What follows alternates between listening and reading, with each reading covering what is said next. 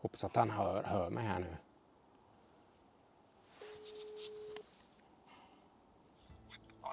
Hej Andreas! Jag har hittat den, he, hittat den häftigaste lämningen här ihop med Lena. Du kommer aldrig tro det.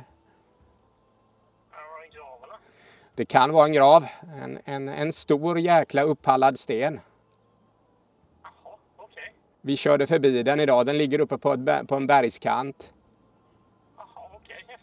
Ja, var befinner du dig nu? Ja, Han vet inte var han är.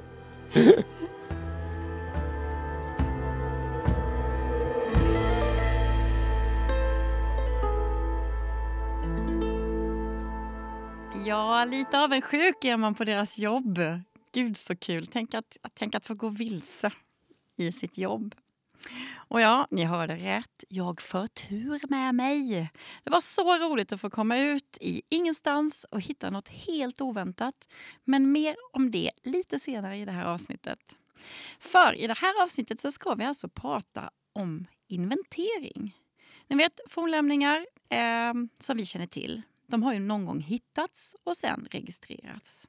Och nya fornlämningar hittar man precis hela tiden. Och ganska ofta så sker det här genom planerad inventering i landskapet. Sådana planerade inventeringar görs av arkeologer som är proffs just på att inventera landskap.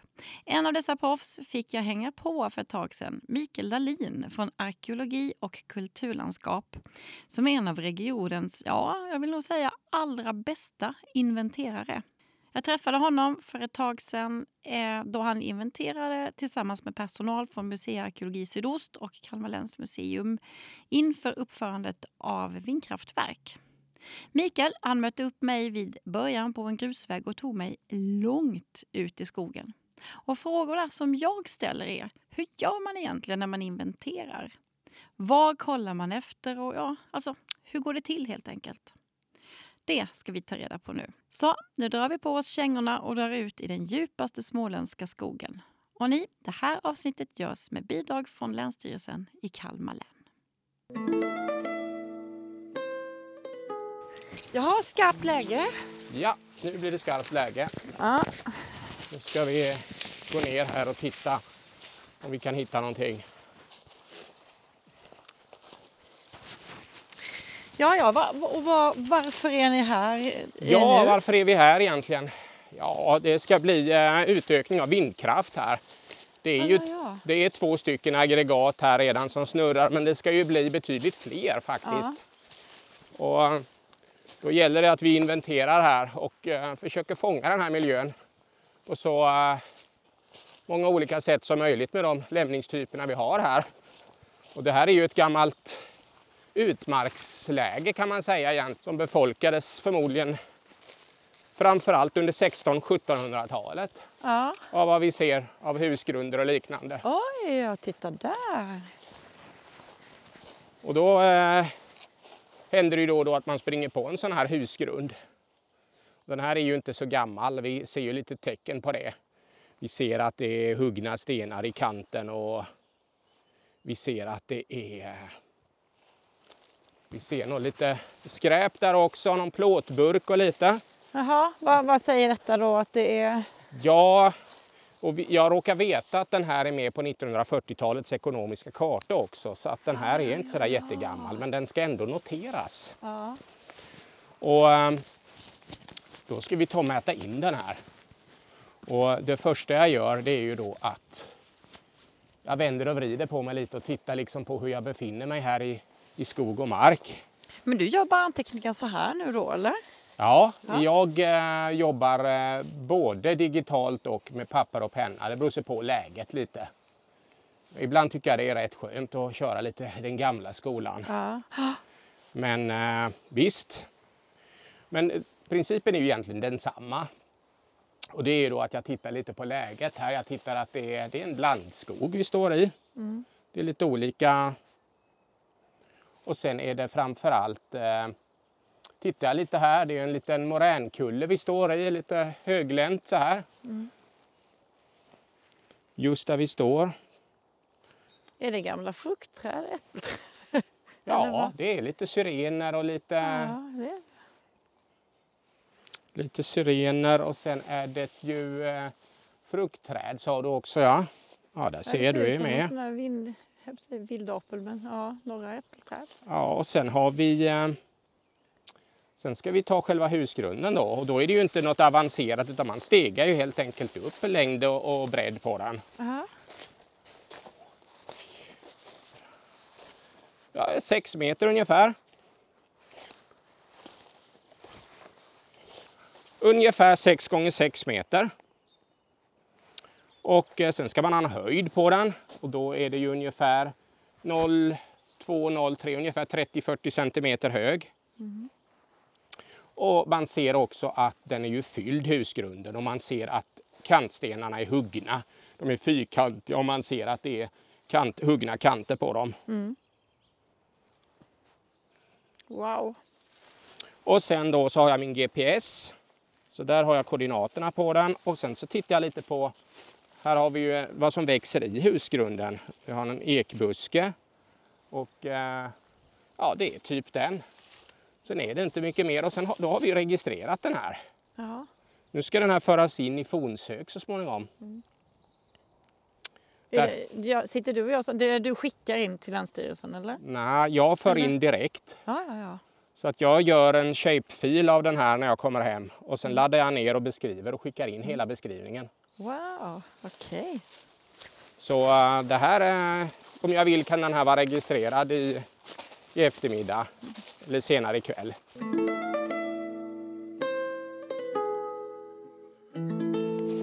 Men du, jag bara tänkte på det här att, att inventera. Vad är att inventera? Att inventera är att gå runt och läsa landskap, att förstå landskapet. Att, eh, att se de olika tidsskikten i landskapet. Och, eh, det kan ju vara allt från en, en eh, stenåldersboplats som inte syns ovan mark till den här typen av lämningar som kanske är 1800-1900-tal Ja. och få då en, en inblick i det här landskapet. Och landskapet är ju tid också. Det sker ju förändringar hela tiden. ja. Och man, som inventerare är det ju viktigt att man, att man förstår det här, att man kan se de olika delarna. Att särskilja vad som kan vara medeltid och vad som kan vara 1800-1900-tal. Det är mycket sådana saker. Ja, alltså det är ju just det. Du måste ju ha radarn igång för, Ja, alltså- för alla tidsåldrar liksom. Ja, det måste jag ha. Eh, för att jag ska ju gå ut här och man litar ju på mig att jag ska hitta. Och eh, det går inte att säga att jag bara ska titta efter en fornlämning eller en typ av fornlämningar utan jag letar ju efter det mesta här. Ja. Och eh, här ser vi ju en vanlig torpskräphög med glödlampor och skosulor och vad det nu kan vara här. Och vad tänker du då? Ja, här, någonst- på den tiden hade man ju inte de här möjligheterna med sopsortering som vi har idag. Så att eh, någonstans måste, måste skiten komma och här ser du ju gamla proppar och här har du till och med en igensatt brunn. Ja. Som, eh, Hur vet du det att det är en brunn? Eller vadå? jag, eh, jag har sett den här typen av anläggningar många gånger. Nu är den här igenfylld men det brukar se ut så här. Man får gå på erfarenhet. Ja. Så eh, jag, jag tror nog det är det. Det är lite svårt ibland att förklara och sätta ord på det utan man ser det bara. Det är det som är skills och erfarenhet då ja. Ja, men så ska man ju kunna förklara också. Ja, jo. det, det är ju inte alltid en inventerare klarar det kanske. Man har hållit på så länge med det man gör och inte förklarat sig.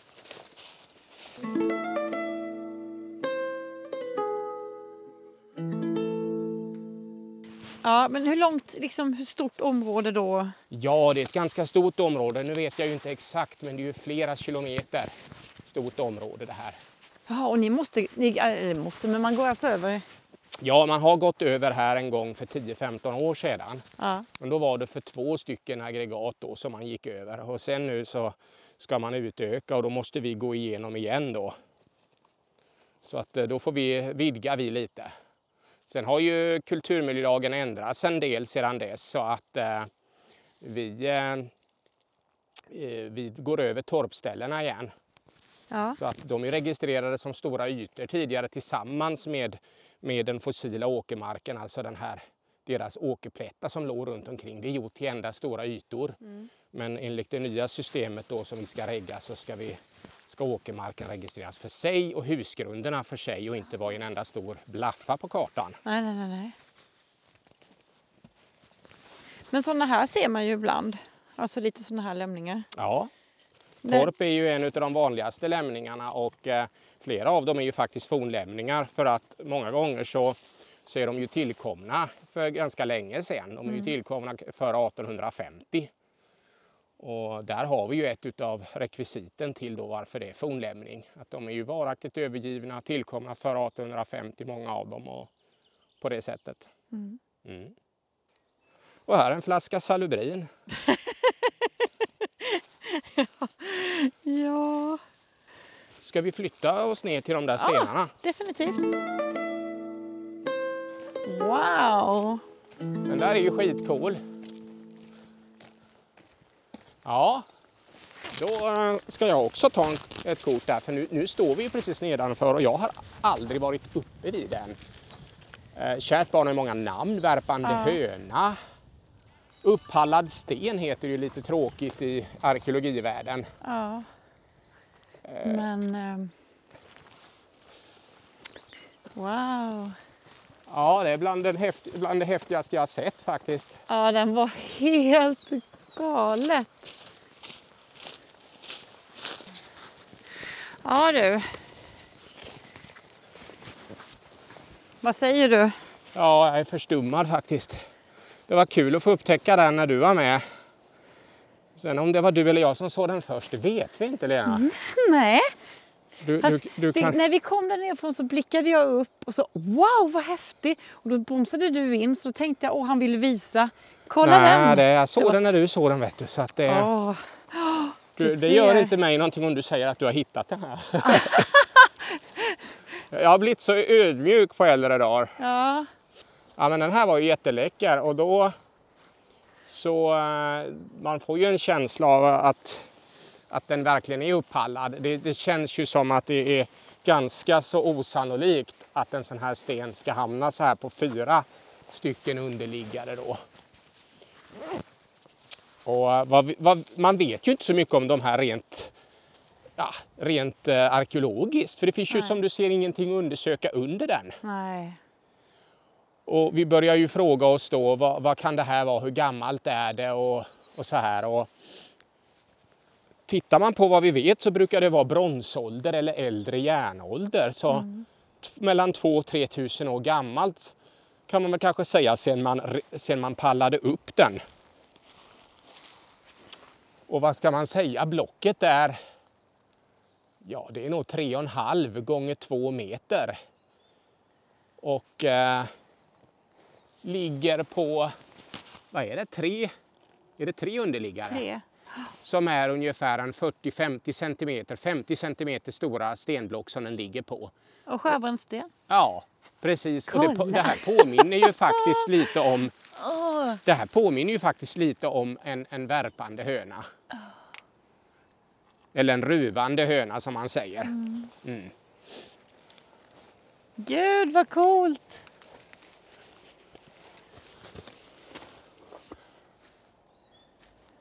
Ja, det är verkligen coolt det här. Ja, det, är det, det är inte skålgropar där va? Ja, du, jag tittar på dem jag också. Åh, Det ser ut att vara naturliga vittringar i berget. ja det gör det faktiskt.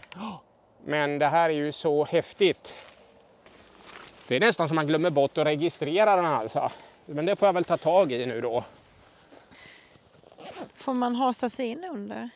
Ja, På eget bevåg. Har den nu stått i flera... Sånt här som ligger runt här.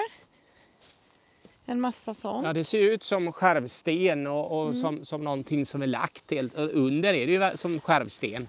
Ja, den, det är, den är svart. Ja. Ska bara se på dem där.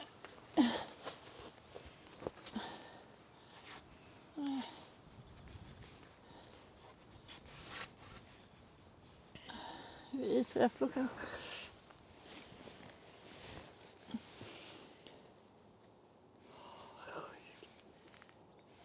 Åh, vad fint.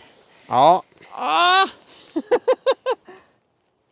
ja men det var jättekul Ja, att men du, det, den är bränd, alltså det är brand, det är brand under stenen. eldpåverkat. Då noterar jag det eftersom Ja. att du var så modig och kröp under då. Det är... Så det har lossnat skärvor uppe i... Så de har eldat under den också. Någon gång. Sen är det lite spridda stenar runt om också. Mm.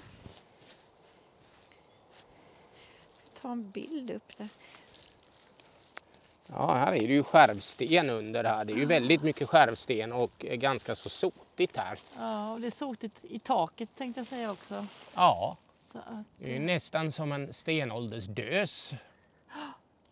åh, vad coolt. Och den ligger precis så här fint på klippkanten ner, ganska så fyra meter i alla fall över vä- grusvägen som går här nedanför och sen på en klippkant kan man ju föreställa sig. Och blocket är ungefär en 2,20 kanske högt. 3 gånger 4 meter.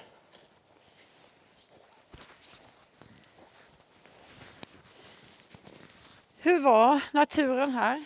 Då? Den, är nog ganska, den var nog ganska lik. Du får tänka bort granen. Om vi pratar då två, ja, om vi pratar två och ett halvt tusen, tre tusen år sedan. Om vi nu utgår från att det skulle kunna vara ja, äldre järnålder, kanske bronsålder. Då har granen inte riktigt kommit in här Nej, än. nej. Så du ska tänka dig tall och Tall björk och här. björk. Och sen betydligt mer vatten i landskapet än vad det är idag. Ja. Så, eh, men annars tror jag nog att det är utmarkskaraktär här. Och, och, eh, det här har nog förmodligen varit utkanten av markerna. Mörlunda som ligger en bit härifrån är ju lite utav den här traktens centralort. Ja. Men, men då pratar vi kanske yngre järnålder framförallt och medeltid. Okej, ja. Men mycket av de lämningarna vi har sett här från historisk och förhistorisk tid berättar om, om, eh, om eh, utmark. Men den här var inte förväntad alls då? Nej, alltså jag, jag, det var nästan en, eh, en det var, jag bara hajade till när vi körde upp hit du och jag. Så det var jättekul att få hitta den. Ja, fin. De är väl ganska vanliga längs kust, alltså Ja. Blekinge finns det ju och Ja. upp längs kusten va? Men det är ändå i den här sydöstra delen den är vanligast. Ja. De är ganska vanliga där och sen så in, finns de på Öland också men även uppe i Västerviks kommun där de ingår i, där de är betydligt mindre då, där, de, där varje sån här upphallad sten blir en del av en domarring, av en krets med stenar. Så varje sån här sten kan vara upphallad i en domarring. Ah. Men då är det betydligt färre, alltså eller mindre ska jag säga, mindre stenblock. Ja, ja just det. Just det. Åh, vad fin. Ja. Och hör- nu, nu, ses, nu har du hittat... Nu har du, nu har jag, nu har vi. Ja, du får säga. Ja, nu har vi Ja, då upptäckt den här och du har registrerat, kommer registrera den och så. ja. Va, vad gör du nu i detta nu? Börjar du vända dig om? Börjar du kika på annat? Börjar Ja, nu, på... nu så känner jag ju så här, eller tycker jag så här att eh, är det då så att det är bronsålder eller järnålder, då blir det ofta så att det kunde ligga flera gravar intill. Mm. Och jag vet ju andra ställen där det finns sådana här och då brukar det vara stensättningar intill. Ja. Alltså låga, flacka gravar och stensamlingar. Mm. Och detta som vi, vi ser här som ligger skrabb med Ja. lite över. Kan, skulle det kunna vara eller är det Det skulle nog kunna vara något förstört men jag vågar inte säga det i nuläget. Men jag, jag brukar gå en liten sväng så här och sen eh, runt om. För att vara säker på. Älgskit finns det i alla fall. Så ja, älgarna, eh, det- vi har sett, eh, jag och min kompis här, eh, Andreas Emilsson då, på Museiarkeologi Sydost som jag inventerar ihop här. Vi har ju upplevt väldigt mycket mycket i den här veckan. Vildsvin framför allt och rådjur. Så att det är ju rena rama safarit här också. Men det är ju, ja där har vi en gammal moring. Så det här hade en nedslagen ring. Så här hade det väl stått någon telestolpe i närheten du ser ja där. just det. Ja, ja, då är det en telestolpe. Ja, en För tele- sådana ser man ju ibland mitt ute i Ja. ingenstans. tänker man herregud. Ja, ja. Det är också en del utav landskapet. Ja, vi går väl upp här och tittar då och se om vi kan eh, se något sammanhang.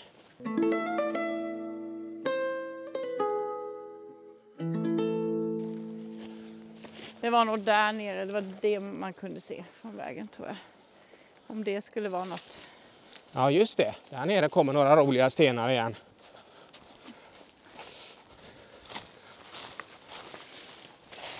Kan inte jag få praktisera?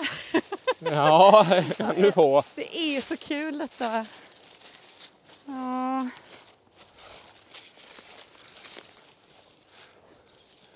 Nej, Nej. Men det var ju eh, väldigt speciella lämningar det där vi hittade. Eller den där lämningen. Den var ju riktigt tjusig. Eller hur? Jag kan tänka mig att den har dragit till sig människor i alla tider. Ja, verkligen. Ja, så vacker den var. Ja, det tycker jag. Ska vi eh, fortsätta ner till eh, där, där min kompis står parkerad? Ja, absolut.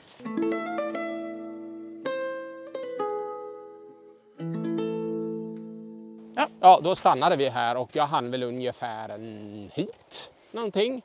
Och då tittade du i backen. Och då började jag gå här fram och tillbaka. Jag tror jag kom hit. Och då började jag se, oj, kolbitar. Oj. Mm. Här har de varit med någon Ja, maskin. och då tänkte jag så här, aj, aj, aj. De har byggt vägen över en kolbotten, alltså en kolmila. Och tittar vi här så har du ju massa, det är nästan som grillkol här. Och då får vi lite hjälp av rotvältan här på andra sidan vägen också. Och då ser vi att det är rena rama grillkolsupplaget här.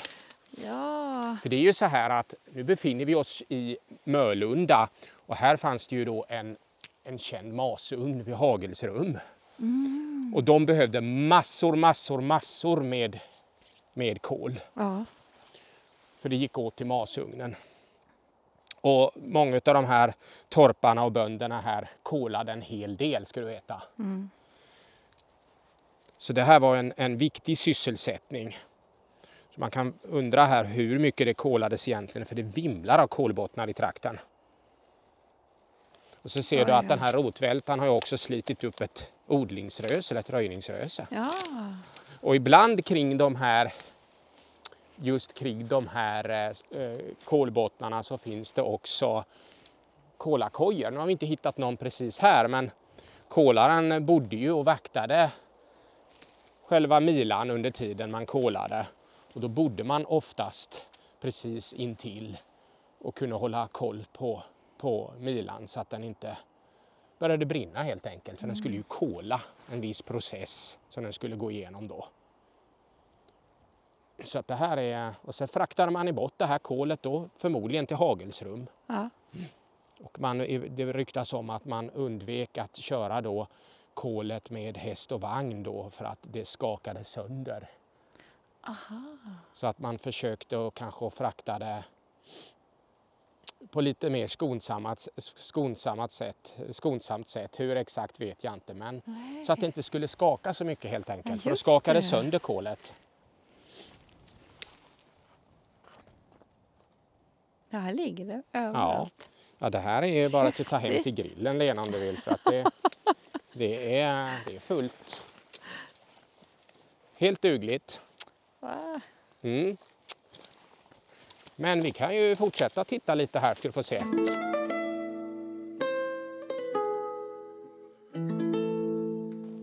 Tyvärr är det ju ofta så att, att många av de här kolbottnarna blir skadade vid skogsbruksvägar och sånt här också. Ja, ja. Därför att de här kolbottnarna låg ju oftast vid gamla körvägar och liknande. Man skulle ju frakta kolet och sen när dagens skogsindustri kommer igång och man, om man kanske bygger en timmerväg eller någonting då, då kan det bli att man bygger i en gammal körväg och då kommer man oftast, då kommer de här lämningarna till skada.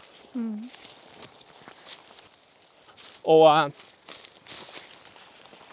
man kommer in i en sån här, ett sånt här hasselsnår och om man tittar sig runt omkring så kanske det inte alla som tänker på att oj vad flackt det är här och stenfritt. Och sen så, Plötsligt så ligger det. ja, helt, helt plötsligt så börjar det vimla av små stenrösen överallt. Och det är ju sån här röjningsrösen säger jag, odlingsrösen säger man ibland också. Mm. Och det är ju alltså från stenröjningen som, man, som det blir så här. Man har röjt upp i åkern helt enkelt. Och här kan man tänka sig att man har hållit på i många, många odlingsgenerationer. För att går man lite längre åt det hållet så kommer det lite andra typer av röjningsrösen. Det här vi står framför nu det är en tre meter i diameter någon meter högt medan vi på lite längre bort här så har vi lägre och flacka röjningsrösen som kan, eller ser ut att vara, åtminstone ser ut att vara äldre. Ja, sten finns det här i alla fall. Ja, Det såg jag skratta när jag kom på vägen innan. Jesus vad de har fått jobba, människor Ja. som har bott här. visst har de fått göra det. Åh, Absolut. och grisen finns överallt. Ja. Ja, vi har gott om vildsvin här och de är ju både, de är ju både, både vän och fiende. Vän för att de ibland torvar av om man hittar saker. ja, just det. Och ibland faktiskt för att eh, eller blir de lite ovänner och de förstör. För de förstör ju också lämningar. De bökar Ja. sönder och förstör och rubbar stenar i husgrunder och liknande.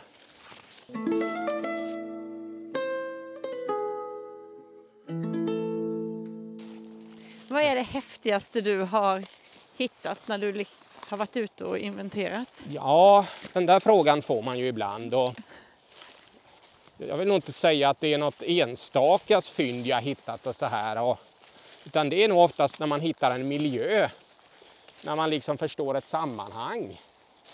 Och, eh, jag tycker väl kanske att när man har hittat en, eh, bland det häftigaste jag hittat tycker jag själv det är en medeltida ödegård.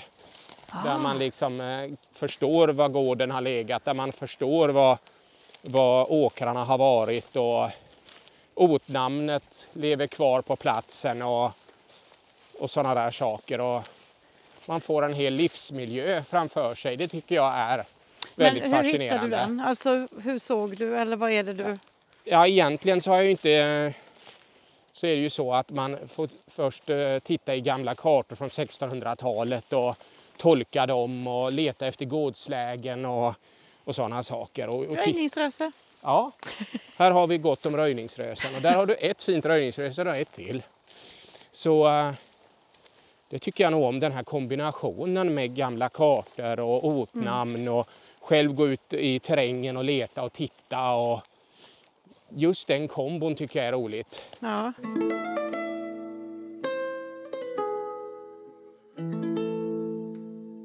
Om man är ute och går eh, som vanlig, inte arkeolog, man tycker man hittar något och sådär. Hur ska man göra för att liksom, ta reda på om det är känt och om det inte är det? Vad, vad Ja, det, det första man ska göra är att gå till fornsök och titta. Det som finns på internet då. Man kan söka in på fornsök och sen då kan man zooma in och titta i kartan då och se om det finns något registrerat på platsen. Ja, precis. Och det, det är in dit som du... Ja, jag, Sen? ja det jag hittar eh, rapporterar jag dit. Så det går, att, det går att titta på det jag registrerar. Mm. Och eh, sedan så eh, kan man ju titta på eh, gamla kartor också. Lantmäteriet har ju en, en, en, stor andel kartor som är väldigt speciella och spännande från 16, och 17 och 1800-talet där man kan ta sig tillbaks i tiden och titta och då kan man ju hitta saker som sådana som jag, inventerande arkeologer, inte har hittat alls. Så kan man ju, om man hittar någonting och inte själv kan registrera så, så kan man ju anmäla det till Länsstyrelsen. Eller om man känner någon arkeolog. Som, Ja, precis. ja. Så då kan man ju anmäla det på den vägen. Mm. Men framför allt titta i fornsök och eh, dokumentera det du hittar. Skriv upp det du hittar och pricka ut det på kartor och eh, anmäl det. Mm. För att, eh, vi, behöver, vi lägger ett pussel i landskapet kan man säga över vår utveckling egentligen. Hur landskapet har utvecklats, hur vi har förändrat landskapet. Och de avtrycken vi människor lämnar efter oss. Mm. Mm. Ja, det är viktigt. Ja.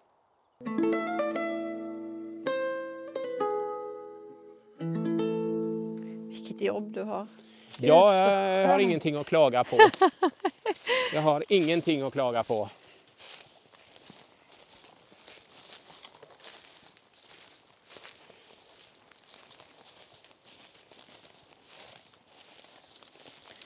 Liksom, kör ni systematiskt nu då?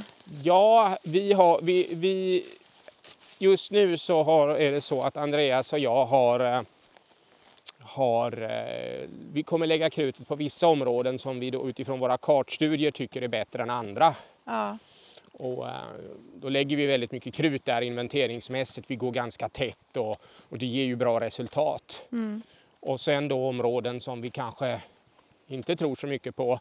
Då går vi givetvis igenom de områdena. Men vi kanske inte kör lika intensivt och lika tätt emellan de här stråken vi går. Nej. Men vi, absolut går vi, går vi över hela ytan. Eh, och eh, nu har vi ju sett här att vi har ganska bra koll på torpen och så här. Och sen har vi, men sen har vi sett att det finns ett inslag av tidiga järnframställningsplatser.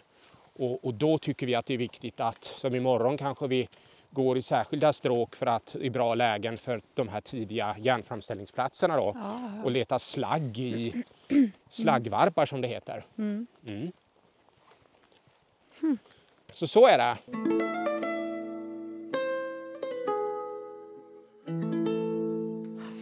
Ja.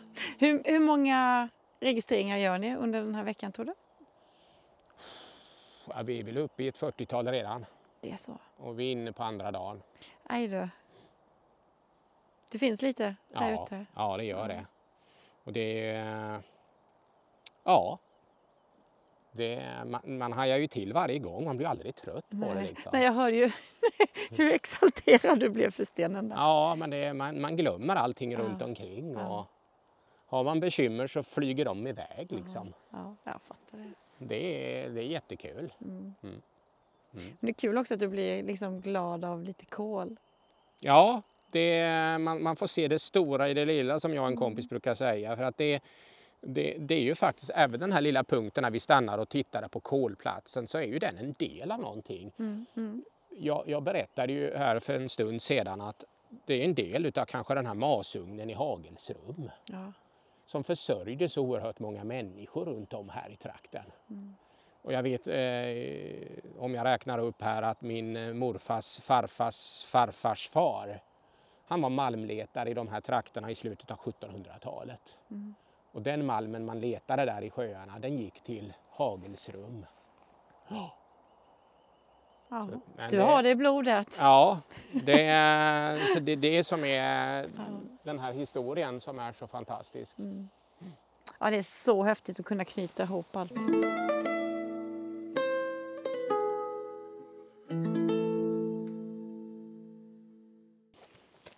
Många sådana här uppdrag har du per år? Åh, något i månaden blir det väl. Är det så pass? Ja, det är det och sen eh, det varierar. Men det är ju, då tänker du inventering. Ja. Ja, det, alltså jag tänkte mer företaget och så, så är det ju eh, skriver jag mycket artiklar. Jag skriver i, i olika tidningar, skogsbolagstidningar. Jag skriver i Ja. skriver artiklar av forskningsanslag. Jag, eh, ja, ja men låt oss säga en, en sån här fornminnesinventering i månaden ungefär. Och det, Och då är det, är det bara i Kalmar län?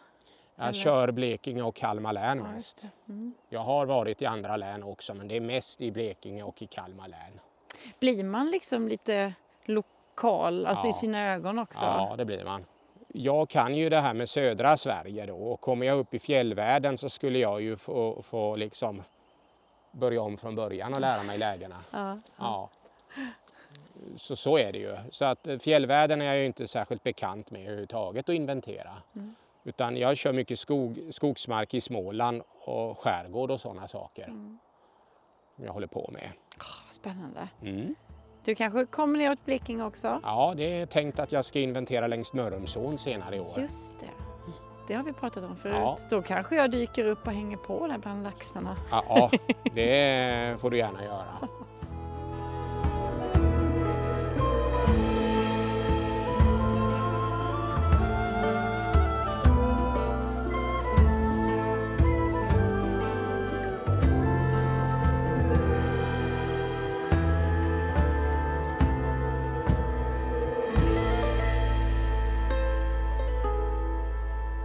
Ja, och ni, den fina uppallade stenen eller ruvande hönan eller ja, ni vet, kärt barn har många namn. Den har nu registrerats och finns att hitta i fornsök. Jag tackar Mikael Dahlin, arkeologi och kulturlandskap, för att han tog med oss ut eh, i skogen. Eh, vill ni se lite bilder på den här vackra nyreggade stenen så går det att se på poddens hemsida arkeologi och historia.se. Eh, jag vill också tacka Länsstyrelsen i Kalmar län som bidragit till detta avsnitt. Tack säger vi. Och glöm inte att följa podden på Instagram och Facebook där vi heter Arkeologi och historia sydost. Och jag som drog med dig ut i skogen heter Lena König. Och vi, vi hörs snart igen om du vill. Hej!